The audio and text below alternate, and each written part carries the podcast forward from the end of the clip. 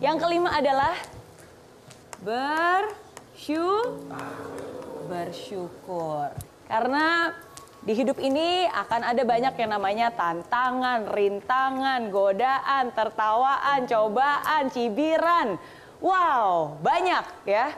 Um, tapi jangan jadikan itu alasan untuk kita malah mengumpat terhadap kehidupan ini. Jangan jadikan alasan untuk kita ngomel sana, ngomel ini dan berprotes. Oke, okay? Bersyukur. Bukan karena hari ini indah maka kita bahagia, tapi justru karena kita bahagia, maka hari-hari kita pun menjadi indah. Dan cara untuk bisa menjadi orang yang bahagia adalah dengan mensyukuri apa yang kita masih punya pada saat ini. Harus terus-menerus bersyukur.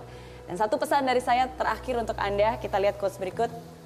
Jangan tangisi kekurangan dan diri yang tidak sempurna, tapi sadari kelebihan dan syukuri hidup yang masih ada.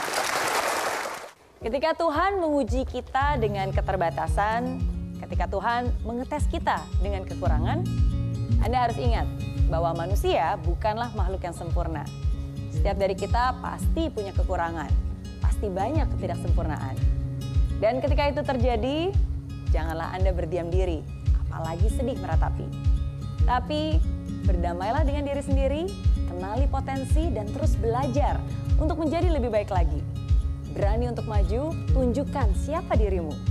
Tapi jangan lupa, Jangan lupa juga untuk bersabar pada prosesnya dan senantiasa bersyukur kepadanya. Ketika kelebihan itu mampu Anda tonjolkan, maka kekurangan tidak lagi jadi penghalang untuk Anda raih kesuksesan.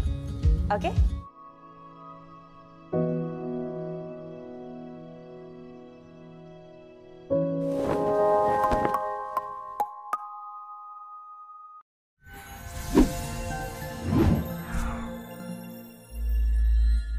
Aplikasi Mary Riana tersedia lengkap video-video YouTube terbaru saya, artikel yang up to date, post inspirasi, koleksi merchandise, workshop dan seminar yang bisa kamu dapatkan free dan download sekarang juga gratis.